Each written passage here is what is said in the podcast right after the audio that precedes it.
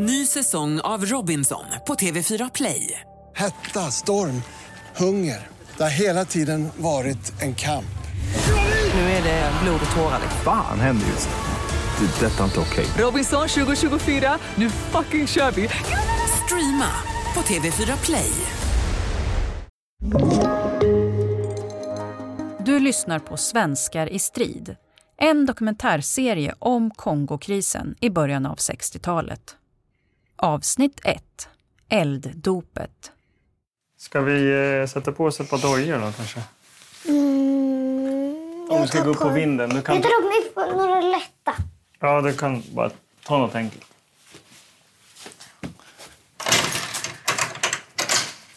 Har farfar tagit med sig den? Eh, Det här jag ska visa, ja. Ja, det har han tagit med. Det är två grejer jag ska visa, men den ena grejen ligger lite långt in här. Här ska du få se. Här nere, tror jag. Oh. Läskigt. Ska vi gå ut i ljuset så får du se. fy. Vad är det här, tror du? Jag tror det är ormskinn. Ja. Jag kolla vad långt det är då. Oj, vilken lång orm. Vad är det för orm? Vad tror du? Alltså, det är ingen huggorm. Nej, det är det inte, va? Vad heter såna där? Liksom kramaren. Pytonorm. Åh gud, ja. Farfar köpte den 1961. Oj, Ja. det var länge sedan. Ja. Och så en till sak. Vad är det för något då? Är det också ett djur? Nej, det är inget djur. Vad är det då? Det är något man har på huvudet. Som man har på huvudet. Kolla här ska du se. Det här är en soldathjälm. Var jag snygg eller? Mest roligt. Ja. Vad tror du det här hålet är för något? Ett skott. Ja. Ett skotthål Har han fått det? Som tur är inte farfar som har fått den kulan där. Utan den här hjälmen, den hittade farfar där det hade varit, eh, Krig. eh, där hade varit krig. ja. Så den här hjälmen, den kommer ifrån... Eh, ja, men från en fiendesoldat. Var de dumma? Ja, det kan man säga. När jag var liten, ungefär i samma ålder som min dotter, sju, åtta år någonting, så vet jag att morsan en gång förklarade farsans ibland korta stubin med att han hade varit i krig när han var ung. Då kan det bli att man blir arg ibland, eller något i den stilen, sa hon. Vi tar din stol får du sitta bredvid mig. Oj, vad många bilder. Är det? Det är farfar. Jag håller den i handen då. En historia. Ja. Ska du läsa? Vad står det där? Eh, per var soldat i Kongorik. Per var soldat i Kongokriget. Ser du de där blåa hjälmarna? Det är FN. FN-hjälmar. Men de är krig i det landet. Ja, det var krig. Så farfar och massor andra svenskar var där nere för att vakta så att de inte skulle kriga. Men de hamnade i krig också.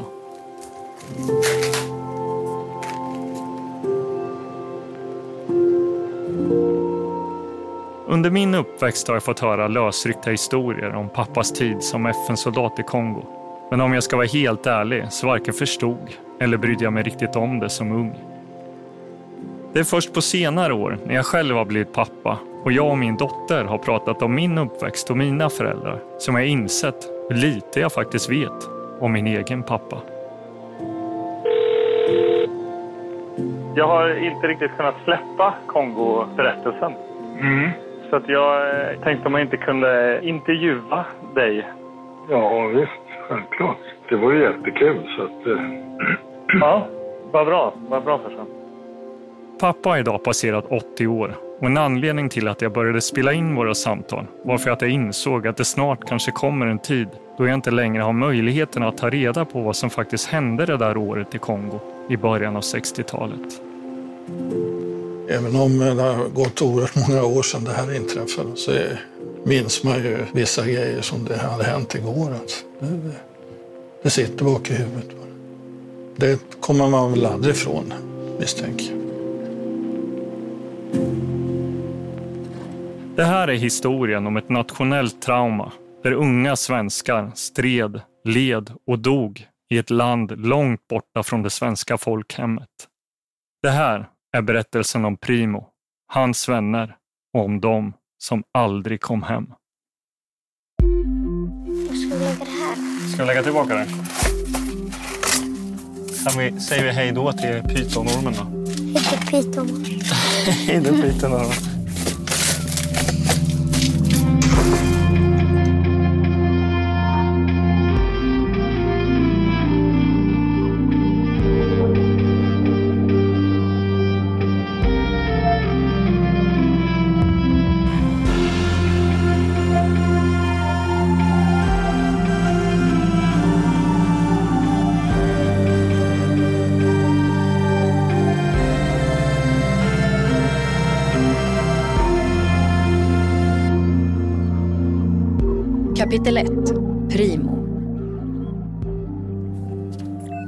Ska vi hållas? Vi kan väl sätta oss där det känns lugnt och gött. Men om vi är här?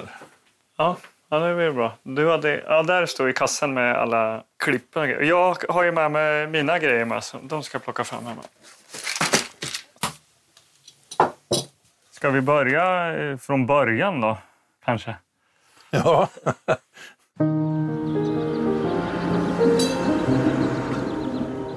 Ja, jag är född 1938 i Stockholm. Uppvuxen ute i Hammarbyhöjden, en söderförort. Vi bodde först i någonting som kallas barnrikehus. Som namnen säger så var det ju familjer med många barn som bodde där så det var väldigt mycket ungar så att säga. Det var lätt att få kompisar. Många var lite busfrön och sånt där, men, men det var en ganska skojig uppväxt. Det var mycket som var kul alltså att växa upp där.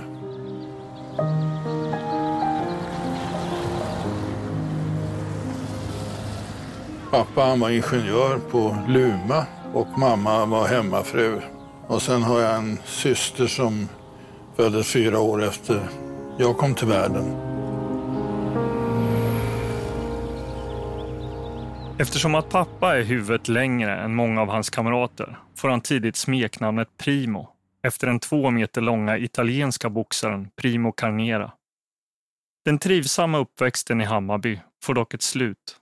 När pappa är 14 år lämnar han och familjen Stockholm och flyttar till Avesta i Dalarna eftersom att farfar har fått jobb på stadens järnverk. Det var helt enkelt ett steg i hans karriär som gjorde att vi skulle flytta. Och jag var inte alls glad över det där. I början åkte jag ju ner ibland och hälsade på kompisarna i Stockholm. Eh, det var ju väldigt segregerat. Pappa var som sagt ingenjör och då skulle man hålla sig till barn som tillhörde tjänstemannagruppen. Jag hade ju lite svårt att förstå det där och eh, vi bodde i ett område som kallades byn. Och på ena sidan så bodde ingenjörer i stora villor. Jag tror vi hade 12 eller 13 rum i vår kåk. På andra sidan gatan så bodde arbetarna tre eller fyra familjer i samma storlek på hus som vi hade.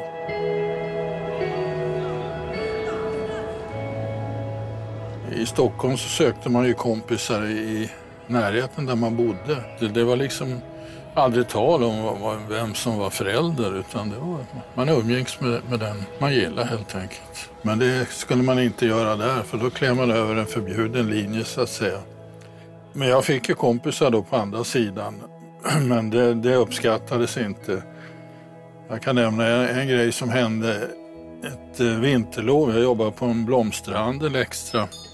Körde ut blommor till jul och då skulle jag leverera in på arbetarsidan och eh, åkte in där. Då stod det en gubbe som hade, jag tror han hade en blöt trasa eller något sånt där och sopade till mig rätt över ansiktet när jag åkte in. Där hade ingenjörsungar ingenting att göra. Så det, det var en väldigt speciell miljö. Och eh, jag var ju en lite främmande fågel bland alla rumpmasar då, i och med att jag kom från Stockholm. 1958 tar pappa studenten och lämnar Avesta för att göra lumpen i 15 månader i Gävle samt på Gotland med sin bästa vän Per Nordström. Efter det blir det en kort tid med studier i Uppsala för att slutligen landa i Stockholm som aspirant på Handelsbanken vid Kungsträdgården.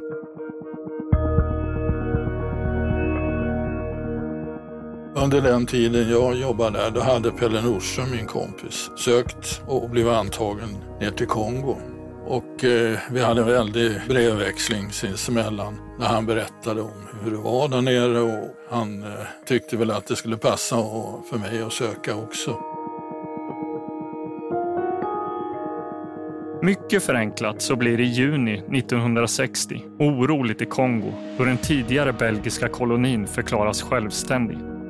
Gruvprovinsen Katanga, som har större delen av landets inkomster, ser sin chans att skapa något eget och bryter sig bara efter några dagar ut ur det nya Kongo. Moise Tshombe utses som president för Katanga, men är i själva verket en marionett handplockad av de belgiska gruvbolagen som vill behålla kontrollen över regionens naturrikedomar. Belgien skickar även dit trupper för att skydda den vita befolkningen och plötsligt hotas Kongo av inbördeskrig. Man vänder sig då till FN och generalsekreteraren Dag Hammarskjöld för hjälp. Jag bestämde mig för att jag skulle söka. Då. Jag hade inte talat om det här för mina föräldrar.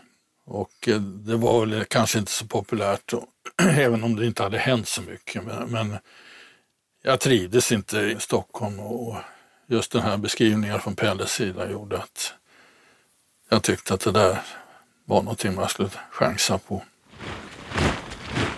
I början av maj 61 rycker pappa in i Strängnäs tillsammans med 650 andra svenskar i det som kommer att kallas bataljon 12. Han är då 23 år gammal, men många är betydligt yngre.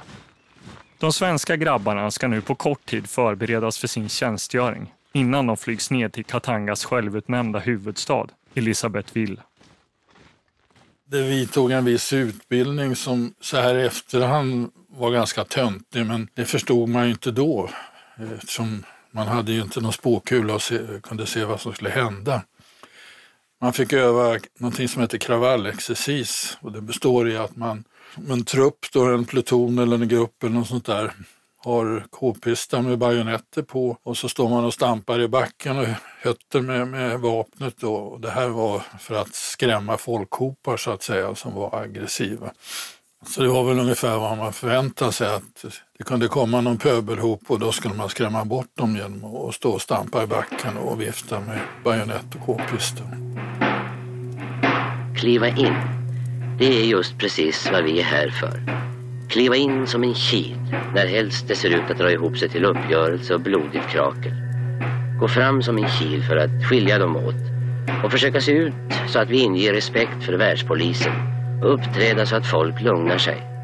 Och verkar vi främmande för dem så är det också en vild och främmande värld vi möter. Bra olik vår egen, långt upp i norr. Vi var en internationell polisstyrka. Vi skulle inte vara inblandade i strider utan vi skulle verka som någon skyddsfaktor i, landet. Då.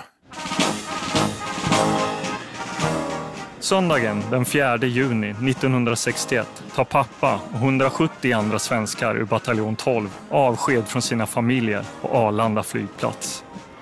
Jag minns jag var med i första omgången som åkte ner och eh, det var ett ganska stort nummer det här när man skulle ge sig iväg. Pressen var ute och fotograferade och sånt där. I Dagens Nyheter skriver man följande. De stora trupptransportplanen svalde 85 man var. Bataljonschefen för 12 FN-bataljonen, överste Wern, följde med i den första sändningen som lämnade Arlanda 17.15 på söndagen och beräknas landa i Kamina som är slutmålet klockan 8 på onsdagsmorgonen.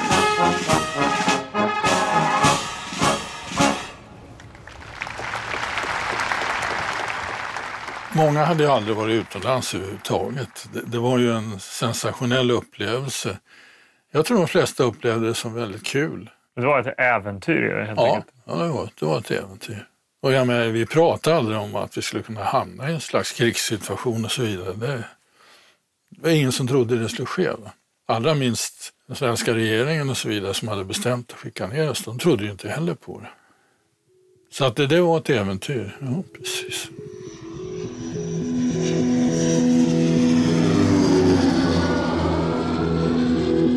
Kapitel 2 Elisabeth Will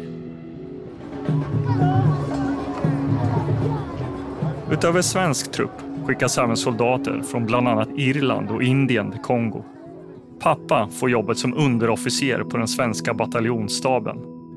Han är alltså inte en vanlig skyttesoldat i den bemärkelsen. Men det han inte vet är att han kommer att hamna i flera kritiska situationer. Precis som så många andra av hans vänner i den svenska truppen.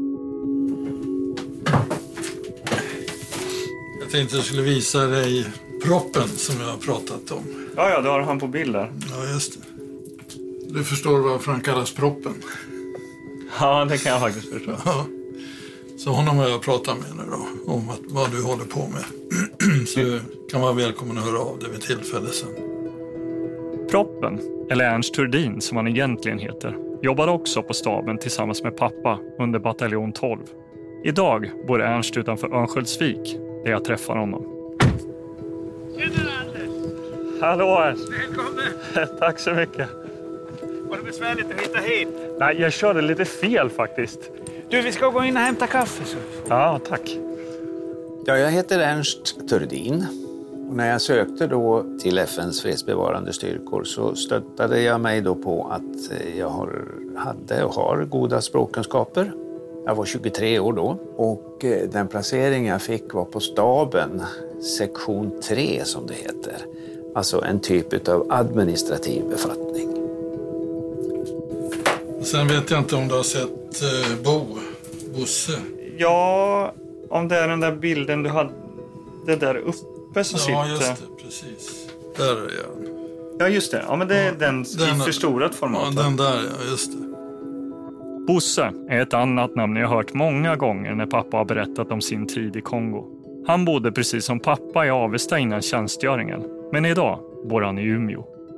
Du har väl sett foto på mig och Primo i Albert Park? Jag har det på kylskåpsdörren där. Ja, det sitter där. Ja, lå- långt ner på kylskåpsdörren. Ja. Jag heter Bo Wilder. Jag var 19 år när jag åkte ner till Kongo som skyttesoldat under Kongokrisen och blev så småningom stabsfurir. Primo ser lite nonchalant ut här. Ja, det är på sned där, ja, hjälmen. Ja, ja, just det. Och ha, ha, haka loss remmen. Ja. Och så i bakgrunden ser du en irländare där. Den svartvita bilden på Bosses kylskåp ser ut som något från en gammal klassisk krigsfilm. På fotografiet står pappa och Bosse i full stridsmundering hållandes i varsin k-pist.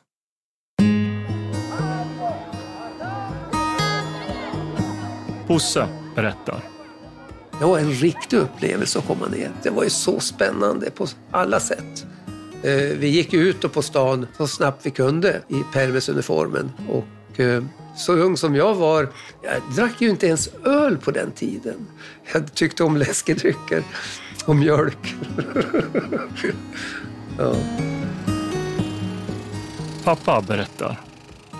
Elisabethville på den tiden var ju väldigt västerländskt. Eh, centrum såg ut som en europeisk huvudstad. Det fanns en simbassäng som man kunde besöka i utkanten av stan. Det fanns ett konserthus, det var idrottsevenemang ganska ofta. Jag minns att jag såg någon boxningslandskamp mellan Katanga och Nordrhodesia där de bankade på varandra till det grövsta. Det var...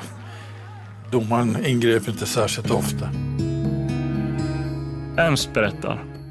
Vi hade några tillfällen där nere i Afrika då vi hade jävligt trevligt tillsammans, Per och jag. Och vi var ju bara snorungar, eller på att säga. 23 år då. Ja, herregud. Vad tider det.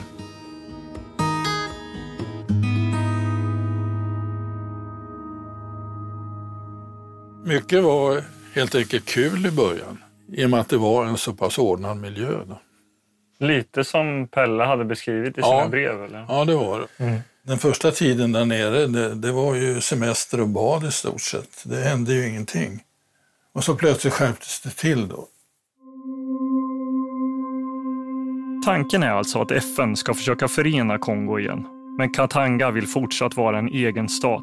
Och presidenten Moise Tshombe med sina vita belgiska rådgivare inser att FN håller på att sätta käppar i hjulet för deras plan att behålla kontrollen över regionens naturrikedomar.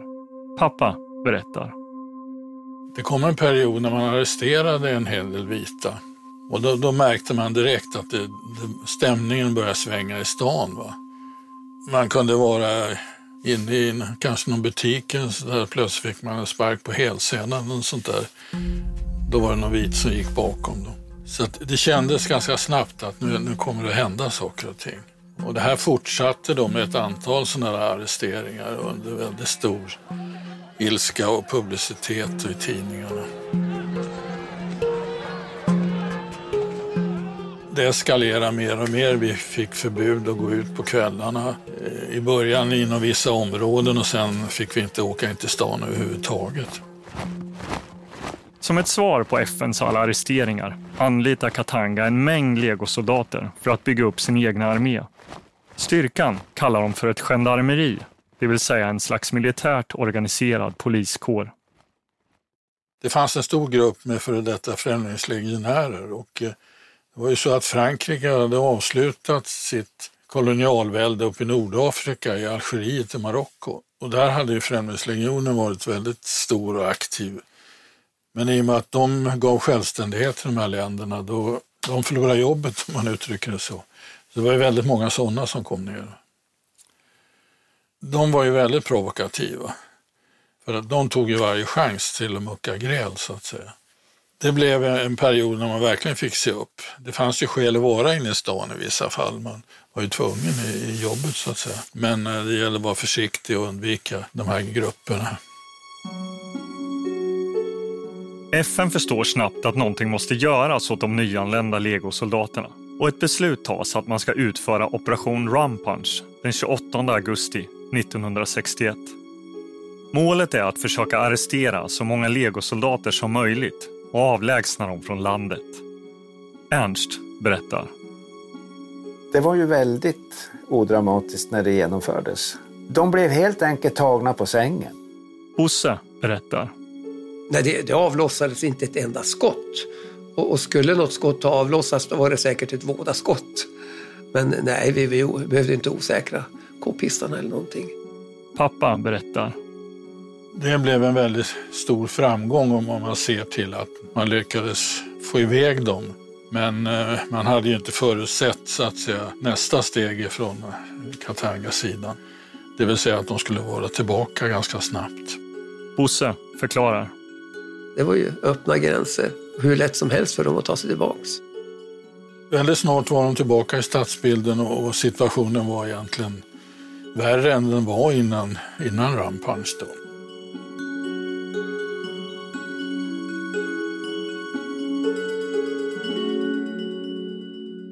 Jag kan titta i min dagbok, får ja. se, mina anteckningar. Ett ögonblick. Du har kvar den? Alltså. Ja, ja. ja, ja. Bosse plockar fram sin gamla anteckningsbok från Kongo och bläddrar fram till september 1961. Sjätte stenkastning på stan. Och sjunde högsta beredskap igen, stenkastning på stan. Då, då kastar man sten på oss eh, FN-soldater alltså. Och den tolfte, stress imorgon bitti, står det här. Det var ju då Mortor som började, den 13 september. När våldet och oroligheterna blossar upp igen väljer FN att ännu en gång agera. Natten mellan den 12 och 13 september ska legosoldaterna kastas ut från Kongo för gott. Pappa berättar. Det här såg ju inte vi som var nere i organisationen, men upplägget var ju precis identiskt med det som hade varit under Rampunch. Den här informationen tror jag också läckte. Det användes ju svenska radiotelegrafister på de olika förbanden. Man skickade ut svenskar att jobba med indier, med irländare, etiopier och vad det nu var. Just för att man trodde att ingen kunde svenska. Det spekulerades i att den andra sidan hade fått tag i svenskar. Om det sen var svenskar från Främlingslegionen eller svenskar på något annat sätt, det, det vet man inte, men det, det ryktet gick. Och det kan vara en orsak till att det här var ute när det väl sattes igång. Det vill säga Katanga-sidan visste precis vad som skulle ske, var vi skulle komma och när och så vidare. Kapitel 3 Operation Motor När det där skulle sättas igång då så hade jag tagit kontakt med Bo Wilder och eh, jag träffade hans plutonchef och jag anmälde mig att jag skulle följa med frivilligt på det uppdrag som de hade. Bland annat på grund av att jag kunde lite franska, vilket ingen annan kunde. Så kunde jag agera som tolk om det behövdes. Bosse berättar. Det här har jag ju vetat hela tiden. Men efter en 20-30 år så då försvann det här minnet. Att Primo kom till mig på första kompaniet och ville vara med. Då, då hade jag bara kvar minnet att det var jädra modigt av Primo att komma och vilja vara med, åka med ut. Just för att han eh, deltog frivilligt? Ja, visst, ja, ja, det var ju det som var så starkt. Eftersom vi visste att nu kunde det bli allvar. Alla insåg ju, det går ju inte att överraska dem en gång till.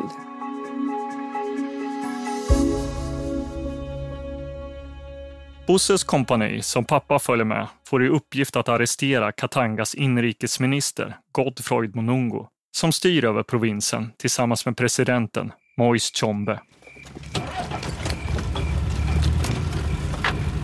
Vi lastades upp på lastbilar och eh, körde då i natten, klockan var fyra ungefär, mot eh, den villa där han bodde. Då.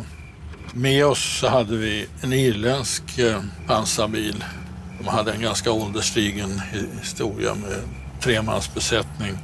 Men den ingick som ett skydd för oss.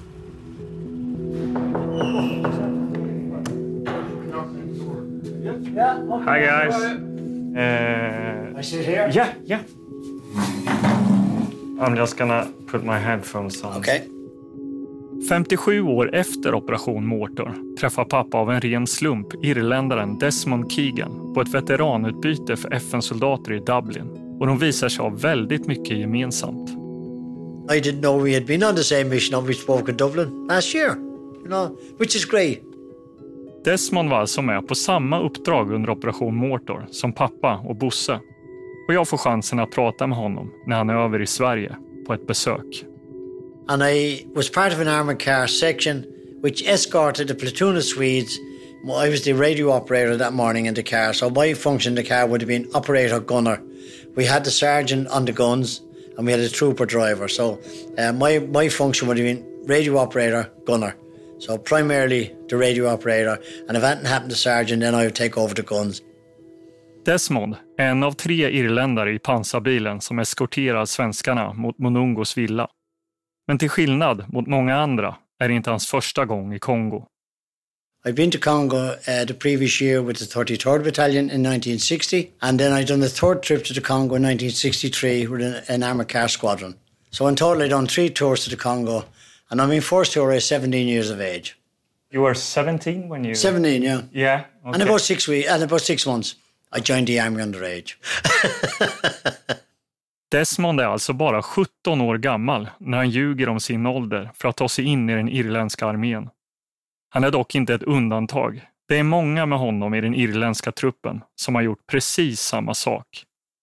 I think people matured earlier because you lived tougher. In Ireland that time, there was no free secondary education. You only got free schooling up to the age of 13 or 14. And after that, then you had to pay for education. And my family had 13 children. I was the 11th of 13. so, you know, things were tough. Uh, and they were glad to see you go. Now, modern people can't imagine any of that happening, you know. But that's the way it was. Uh, so you, you, you weren't pampered.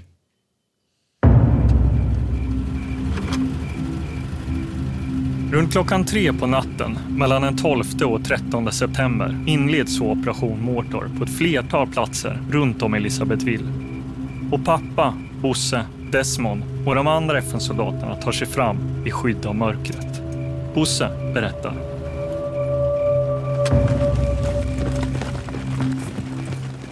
Vi körde ju raka vägen till Monongos villa och satte av då snabbt som ögat och slängde oss ner i ett stort jädra dike framför en häck. Runt den här villan så var det cementerade diken för att avleda vatten. Vi fick ju uppleva hur det regnade sen när väl regntiden kom. Då förstod man vad de där var till för. Men det var nästan en och en halv meter djupa de här. Och jag höll på att ramla ner i det där för det var så pass mörkt så jag såg inte. Pappa och Bosse och några andra svenskar kryper försiktigt framåt för att få bättre sikt över villans trädgård. Samtidigt går en annan grupp tillsammans med militärpolis in i trädgården för att ta sig in i villan och gripa Monungo. Bosse berättar. Under tiden de sprang fram mot villan, då kom det ett par skott ifrån eh, trädgården. Han som låg bredvid mig, då, Sonny Ek, han halvreste på sig la av en salva rakt in i trädgården. Och efteråt sa han, jag tror jag är sårad. Var var du då när det small då, så att säga? Jag var strax bakom Bo Wilder, den här killen som blev sårad och en till. Och vi alla låg vi ner, va? så att det betydde att det skott som träffade honom, det träffade inte i ryggen utan ut efter ryggen.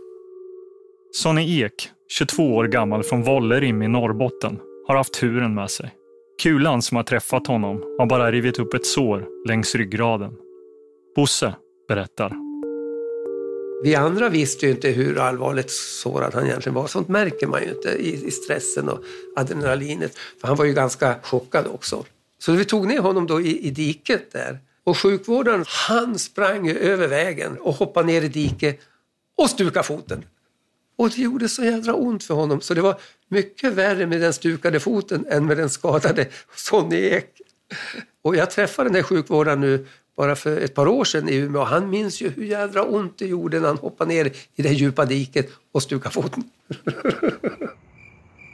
Efter att den skadade Sonny Ek tagits om hand läggs han på en bår och man beslutar att bära honom till ett lastbilsflak en bit längre bort. Problemet är bara att ljuset från gatulamporna gör honom och bårbärarna synliga för fienden. Därför beslutar man att den irländska pansarbilen som Desmond Keegan sitter i ska åka fram och skjuta sönder gatubelysningen. It was very bright with the street lights, and um, we didn't have any tracer in the belt, and we did 250 rounds in the belt with the Vickers. And the sergeant fired 250 rounds at the first street light missed it. Probably 100 yards away, you know. And the captain says, F-sake. Kulspruteskytten missar gatulamporna helt och hållet och istället tar den irländska kaptenen över med sin k-pist. He knocked out the first light, the second light, and the third light. And then he ran out of ammunition in the magazine, and he takes out his 38 revolver. And he takes out the fourth light. no. But there's funny things happen even in a kind of a battled situation.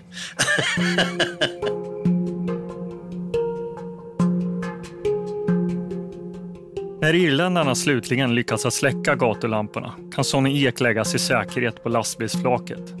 Under tiden har svenskarna i trädgården tagit sig in i villan.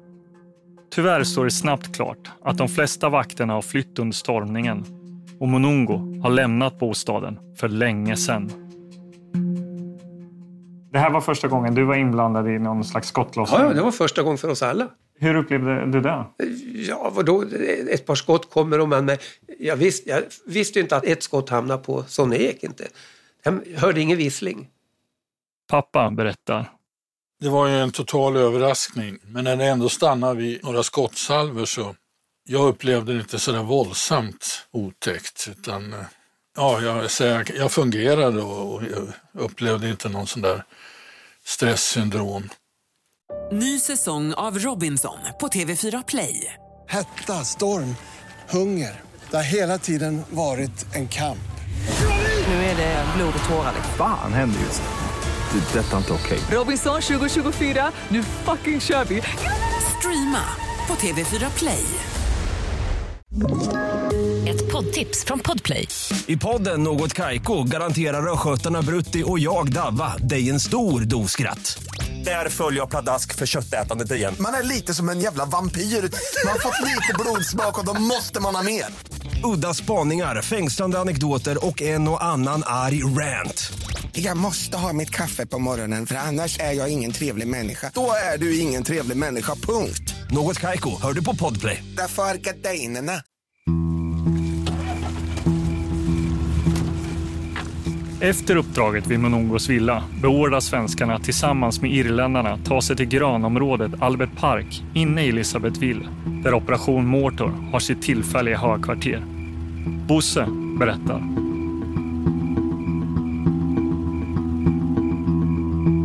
På vägen från Monongos villan, då brakade det lös. En massa spårljus högt upp i himlen inne i centrum. Jag tänkte, vad är det för jädra tokar som skjuter upp i luften? Hur sjutton kan de missa så grovt upp i luften? Och det brakar lös ordentligt.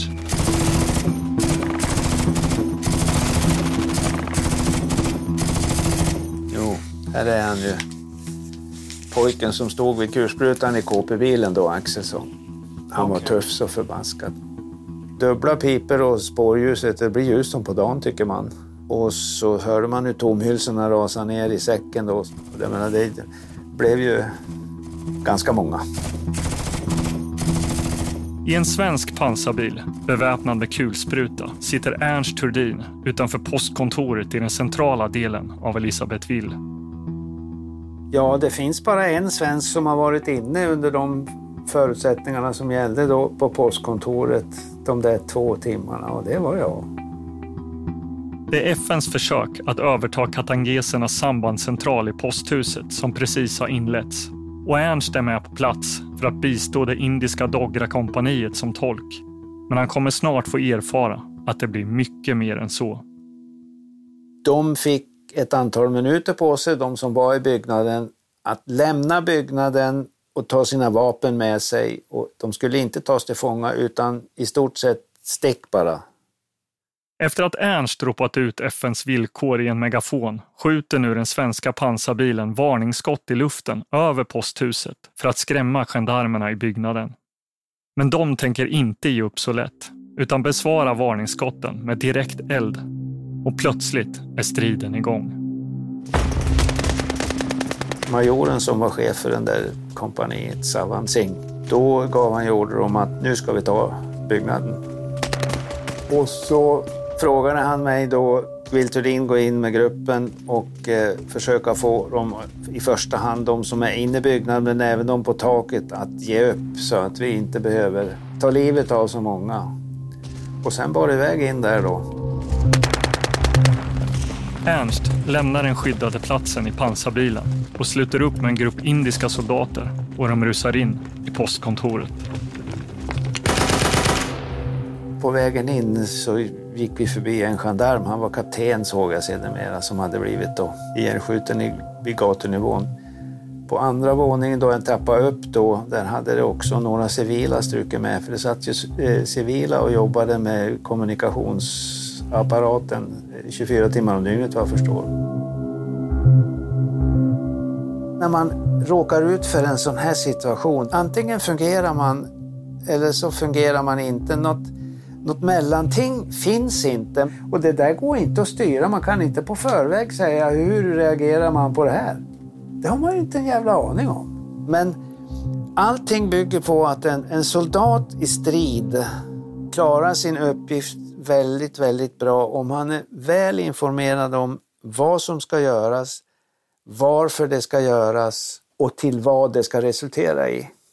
Och ofrånkomligt är ju då att i strid så dör folk och i strid skjuter man ihjäl folk.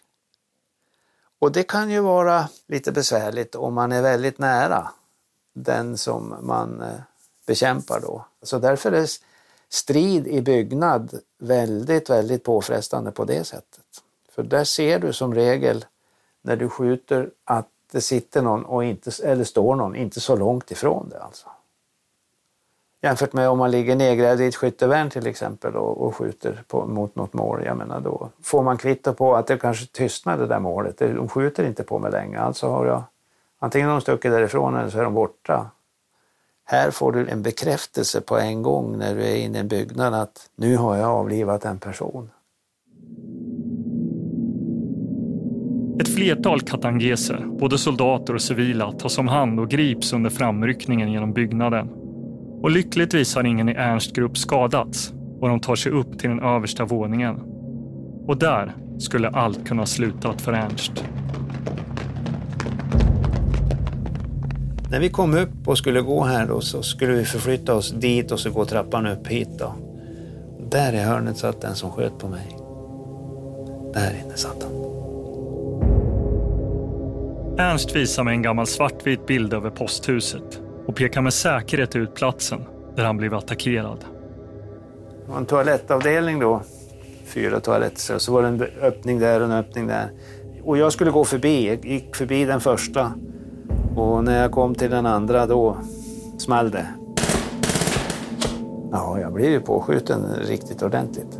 Så jag tänkte, för att komma förbi här måste jag ju tala om för den här personen att eh, jag också har möjligheter att säga ifrån. Och det gjorde jag då. Och eh, då kom jag fram då så att jag kunde gå upp på taket. Efter att Ernst har besvarat elden lyckas han ta sig vidare helskinnad och han kan sluta upp med de andra. Och gruppen gör sig redo för att ta sig ut på taket.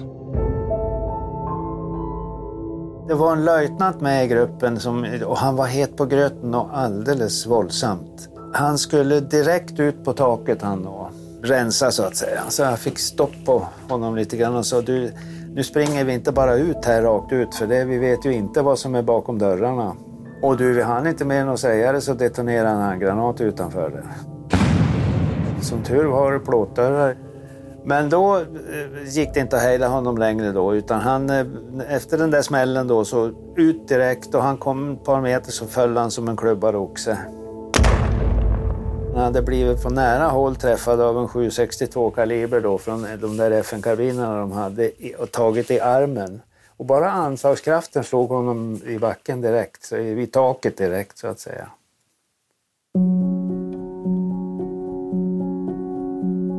Postkontoret kommer inte att kunna inta så lätt som FN tidigare trott.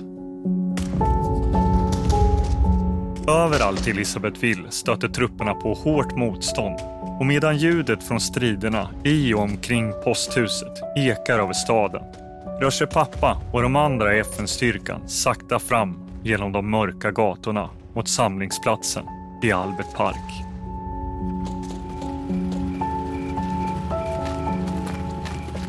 Klockan var väl fyra, halv fem, det var kolsvart.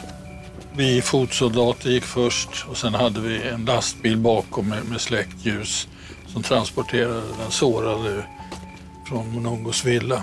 Så vi som gick först, vi hade ju ingen belysning eller något sånt där utan eh, det var alltså väldigt mörkt.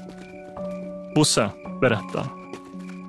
Vi var i mitten, kanske 75 meter bakom täten. Sen var det då lika lång svans efter oss och eh, befälet som var längst fram hittade tydligen inte för de gick och lyste på gatuskyltar och sådär och kollade kartor. Så de, de hade nog tappat bort sig på väg mot Albert Park. De svenska befälen har svårt att orientera sig i det kompakta mörkret. Men efter en stund tror man sig vara på rätt väg och sakta rör sig kolonnen fram mot parken. Pappa berättar.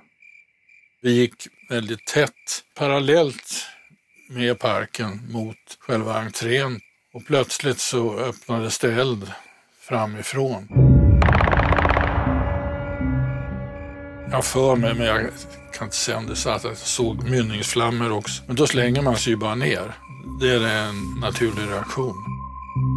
Pappa kastar sig till marken medan Bosse tar skydd i en närliggande port. Plötsligt börjar en man vrålskrika, vråla rakt ut. Och i efterhand så visade det sig vara Kenneth Roos från Örebro Mariestad som hade blivit träffad med två kulor i halsen. Och det här var ganska ruggigt för att eh, det var som sagt mörkt. Vi visste inte var han var någonstans. Han bara skrek omväxlande svordomar och efter sin mor och så vidare. Så kom det sjukvårdare dit och, och han skrek rör mig inte din jävla slaktare eller något sånt där. Så han, han ville inte bli rörd överhuvudtaget. Det gjorde så ont för honom. Och det här pågick i flera minuter. Vi trodde ju inte att han skulle klara sig utan vi upplevde att det här var ju hans dödskamp. Och då känner man det ju ännu starkare. Ingen av oss hade ju varit i närheten av en sån här upplevelse tidigare. Och just det här med den sårade skrik, det, det, var det liksom som fick det att brista för många. Va? Det kanske är otäckt att säga, men se till att den jäveln blir tyst eller något sånt där hördes det. Va?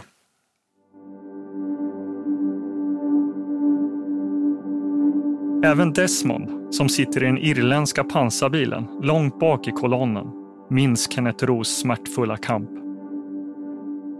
It was a horrific scream. And I remember the scream for years afterwards. It was a very shrill, high pitched scream.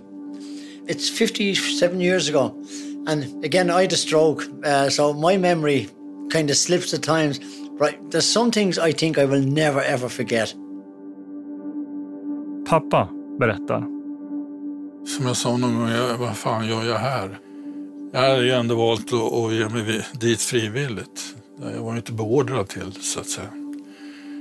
Men det där gick över ganska snabbt tyckte jag. Men det, det var en reaktion i, precis när det skedde. Men samtidigt var det den här enorma skottlossningen nere i stan. Va?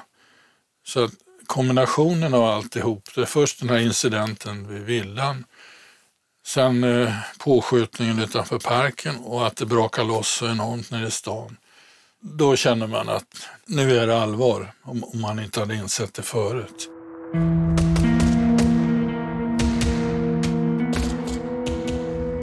Inom loppet av en dryg timme har två svenskar sårats och pressen på de unga soldaterna ökar kraftigt.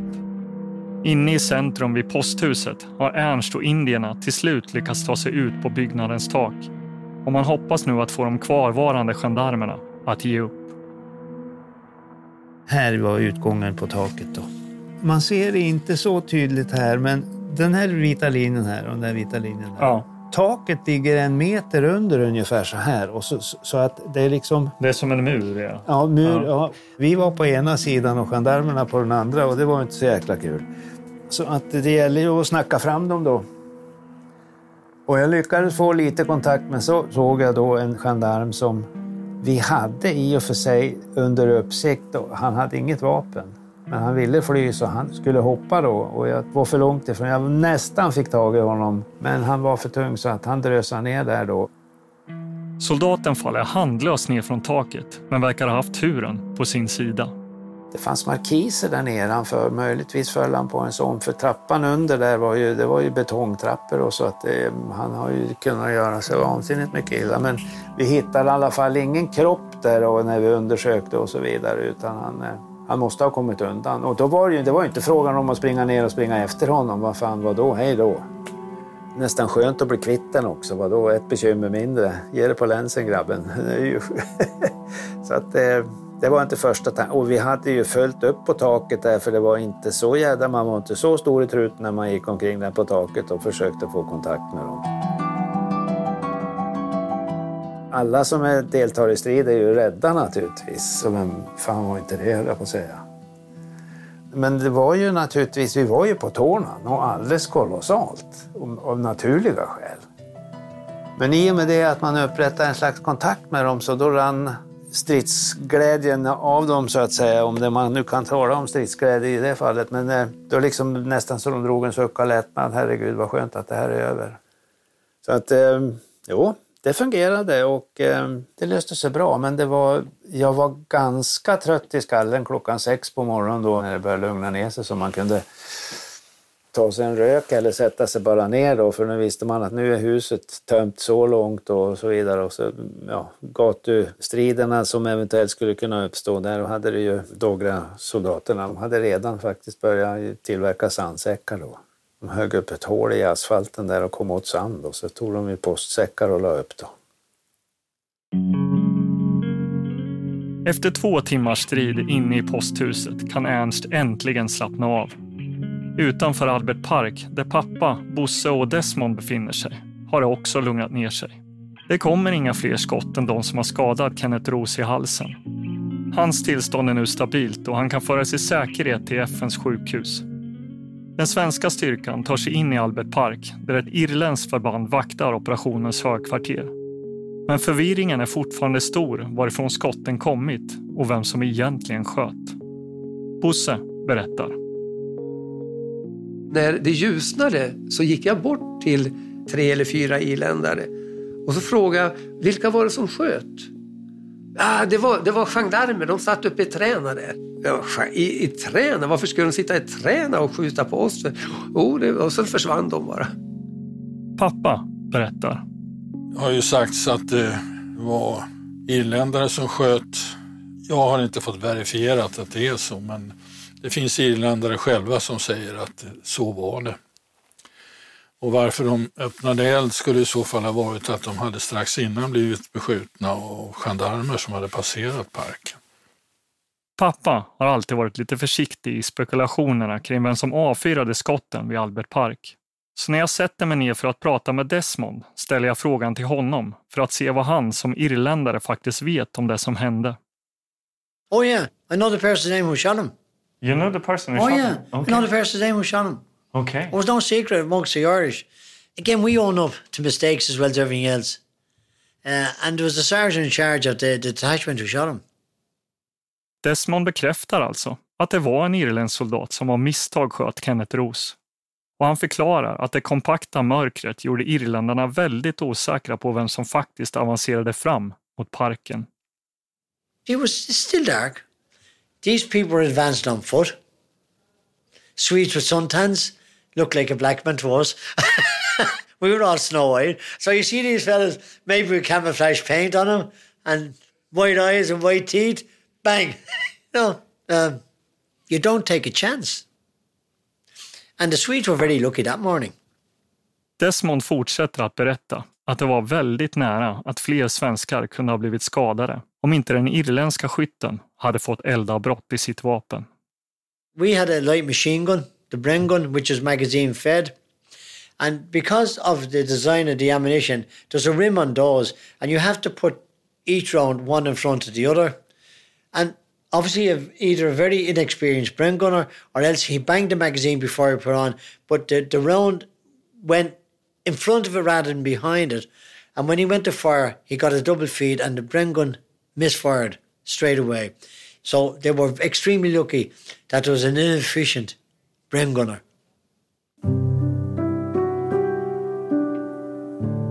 Bosse berättar. Kenneth Roos är ju tyvärr död nu.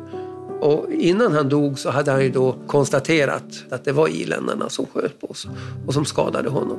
Och sånt där händer ju, det är inte märkvärdigt.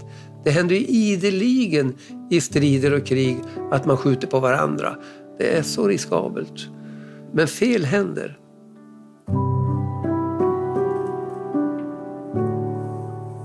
Under förmiddagen har de mer intensiva striderna avtagit, men runt om i Elisabethville råder fortfarande högsta beredskap bland FN-trupperna. Till Albert Park och operationens högkvarter anländer nu den svenska bataljonschefen, överste Jonas Wern, tillsammans med några andra befäl. Pappa berättar. I den här parken så fanns det då ett irländskt förband och eh, de höll på att gräva ner sig i blomrabatterna. Det här var egentligen en väldigt stilig anläggning med stora blomrabatter och så vidare. Det enklaste sättet att gräva ner sig det var naturligtvis att göra det i blomrabatten och inte ute på gräsmattan eller någon annanstans. Och vi tittade väl lite förundrat på dem men det var ingen av oss som började gräva utan vi satte oss i Ja, det fanns någon, såg ut egentligen som någon slags plaskdamm. Det var en uppmurad ring. Och där satt vi och väntade på vad som skulle bli nästa steg. Då. Och så plötsligt så kom det några kraftiga smällar utifrån gatan utanför. Och sen eh, var det tyst någon sekund och sen kom det två ytterligare kraftiga detonationer inne i parken.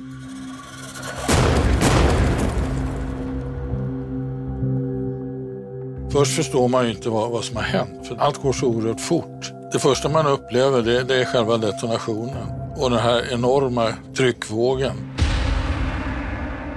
Det var en väldigt otäck och konstig känsla. Upplevelsen var att man inte kunde andas under en kort period. Bosse berättar. Man lyfte från marken, det var en sån tryckvåg. Det var riktigt skrämmande. Den grupp jag tillhörde där var ju alla oskadda. Det var ju ingen som träffade så det var ju en lättnad att bara uppleva det. Men sen såg man ju att det samlades folk de här 20-30 meterna bort. Och där låg han ju. Han dog ju direkt. Det visar sig att splittret från en av de två granater som har slagit ner i parken har dödat den 41-åriga majoren Gerhard Gallon från Göteborg. Han var ett av de befäl som hade anlänt till parken med bataljonschefen Wern strax innan attacken. Major Gallon blir den första svensken som stupar i strid under Kongokrisen. Pappa berättar. Han lades på en båd och, och täcktes över för att eh, man inte skulle behöva se hur det såg ut så att säga. Men han var ju ganska tilltygad. Och det var vi ju tvungna liksom att ta skydd. Vi visste inte om det skulle komma fler granater. Och, och sen bar vi in honom i ett nunnekloster i den här parken. Och där inne kunde man också söka skydd. Men det kom inga fler granater sen. Så att så småningom så bestämde man sig för att man kunde evakuera parken. Och då bar vi ut honom till ambulansen och la in båren där bak då och sen var vi tre eller fyra man som satt i, i ambulansen och så var det en som körde då. Och eh, det gick ju fort och ambulansen krängde och han, ena armen, den åkte ut hela tiden mot mig då. För jag satt vid sidan, vänd mot spåren. Och jag la upp armen och så krängde ambulansen och armen åkte ut. Det är också sånt där som man aldrig glömmer. Men det gick bra. Vi hade ingen incident på väg till kampen utan eh, vi kom dit och eh, på det sättet slutade det bra för min egen del.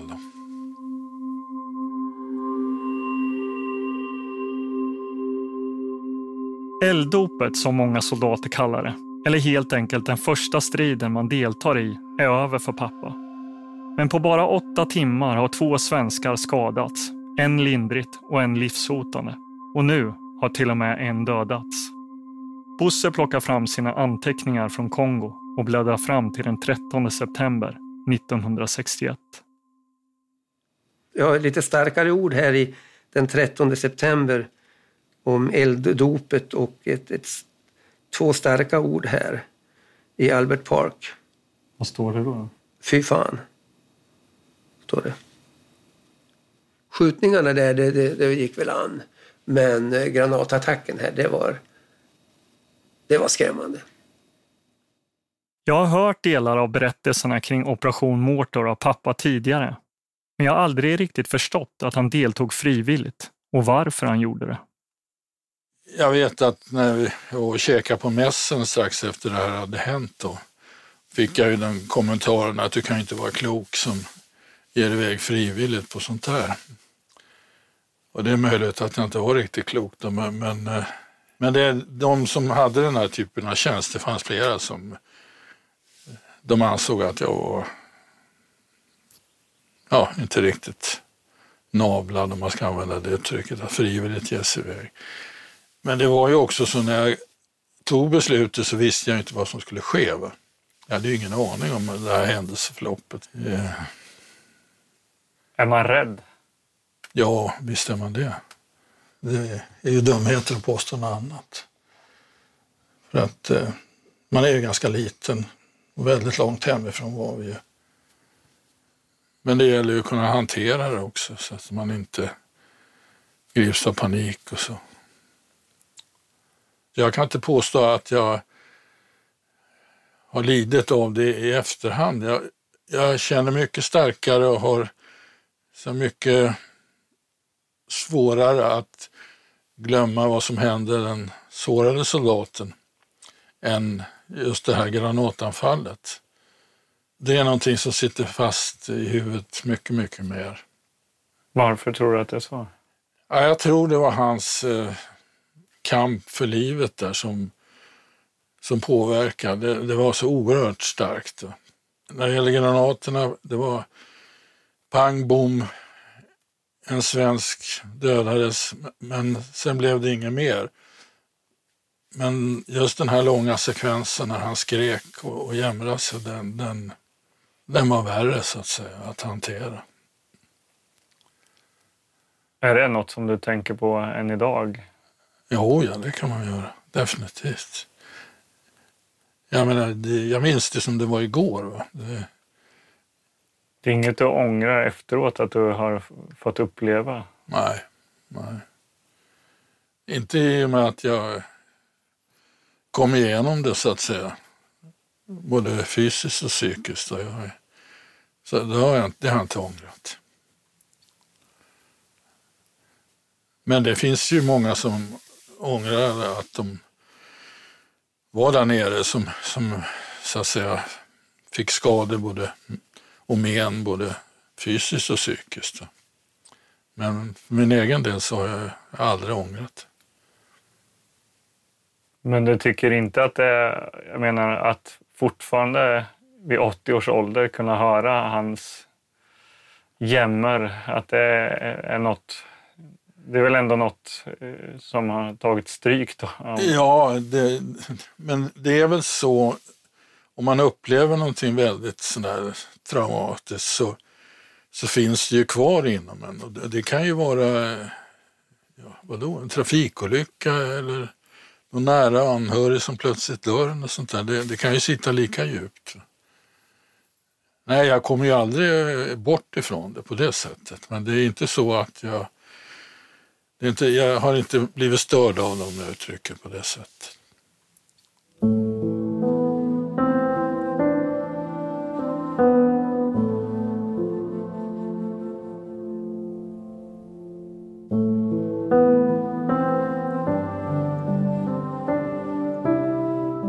Mortor blir inte den korta och ofarliga operation som FN hade tänkt sig, utan den startar istället en dryg vecka av intensiva strider och flera veckor av oroligheter. Något som kommer att kallas septemberstressen bland svenskarna. Det blev ju en väldigt olustig stämning över att det, det eskalerade. Det var ytterligare en som stupade, flera som sårades och så vidare. Så att, eh, självklart så blev stämningen ganska tryckt. Hur gick snacket i, i lägret då, eller hos er? Det är klart att det kändes, även för de som inte var med, så kändes det ju djupt i själen så att säga att eh, ytterligare personal hade gått bort. Och det är klart att lite grann börjar man ju misströsta för att eh, de uppsatta målen hade man ju inte nått, det var ju uppenbart.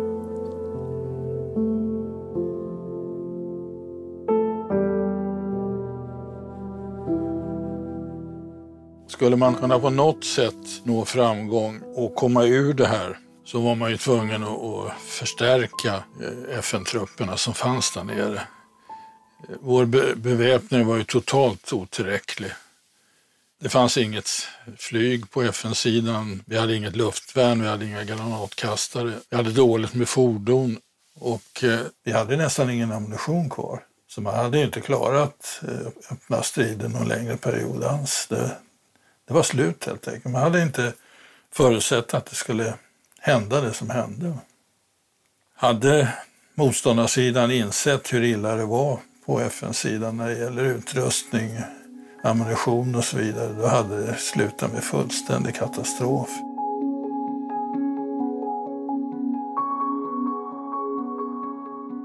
Det var väl tyvärr så att den här så kallade framgången i augusti med, med Rampunch gjorde att man hade en övertro på sin egen styrka så att säga och motståndarsidans eh, svaghet helt enkelt.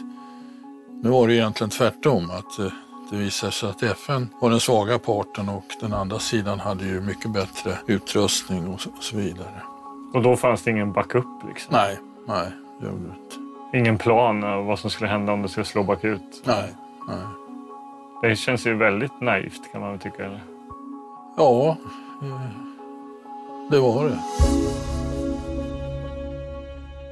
När FN inser att situationen är ohållbar vill man försöka förhandla fram ett eldupphör.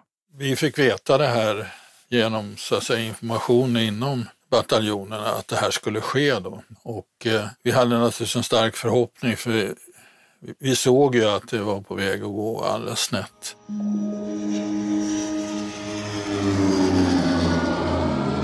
Natten mellan den 17 och 18 september 1961 flyger FNs generalsekreterare Dag Hammarskjöld tillsammans med personal för att möta Katangas president Moise Tshombe. På vägen störtar emellertid planet under mystiska omständigheter och alla 16 ombord omkommer. Den svenska reaktionen var ju den att nu är det här helt slut. Nu ger man upp och vi blir hemskickade och så vidare. Det var ungefär så resonemanget gick. Det kändes ganska hopplöst. Det var ju en väldigt säga, uppskattad och stor man om man använder det uttryckssättet. Och eftersom han dessutom var svensk så, så trodde vi på att det här var ju lösningen. Vi var rätt uppgivna helt enkelt. Ja, det var vi. För att eh, efter alla motgångar då och sen eh, det här ovanpå allting annat gjorde att det kändes som ja, det var slut helt enkelt.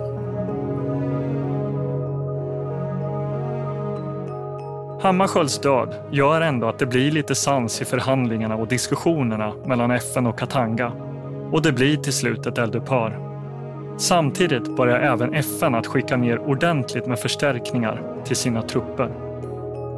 Som vanlig lekman så är man ju inte svårt att förstå att om man nu förstärker så som man gör så måste man ju mena någonting med det. Det är inte bara det att man ska visa upp alla de här resurserna utan man, man kommer ju använda dem. Så det var ju rätt uppenbart att någonting mer när det gäller militär aktivitet skulle ju ske under hösten då, eller möjligen senare. Och så blev det ju också.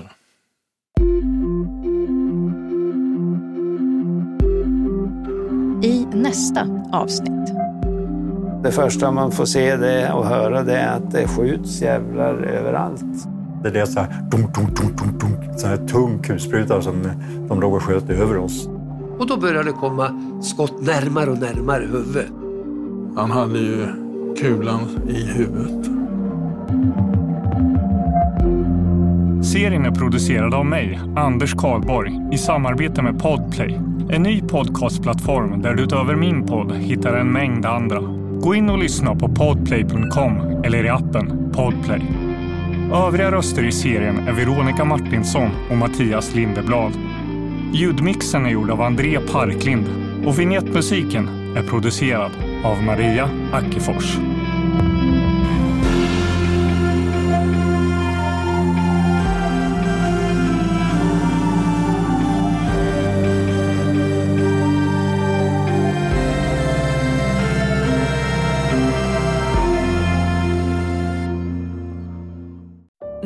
Säsong av Robinson på TV4 Play. Hetta, storm, hunger. Det har hela tiden varit en kamp. Nu är det blod och tårar. Fan händer just nu. Det. är Detta är inte okej. Robinson 2024, nu fucking kör vi! Streama på TV4 Play.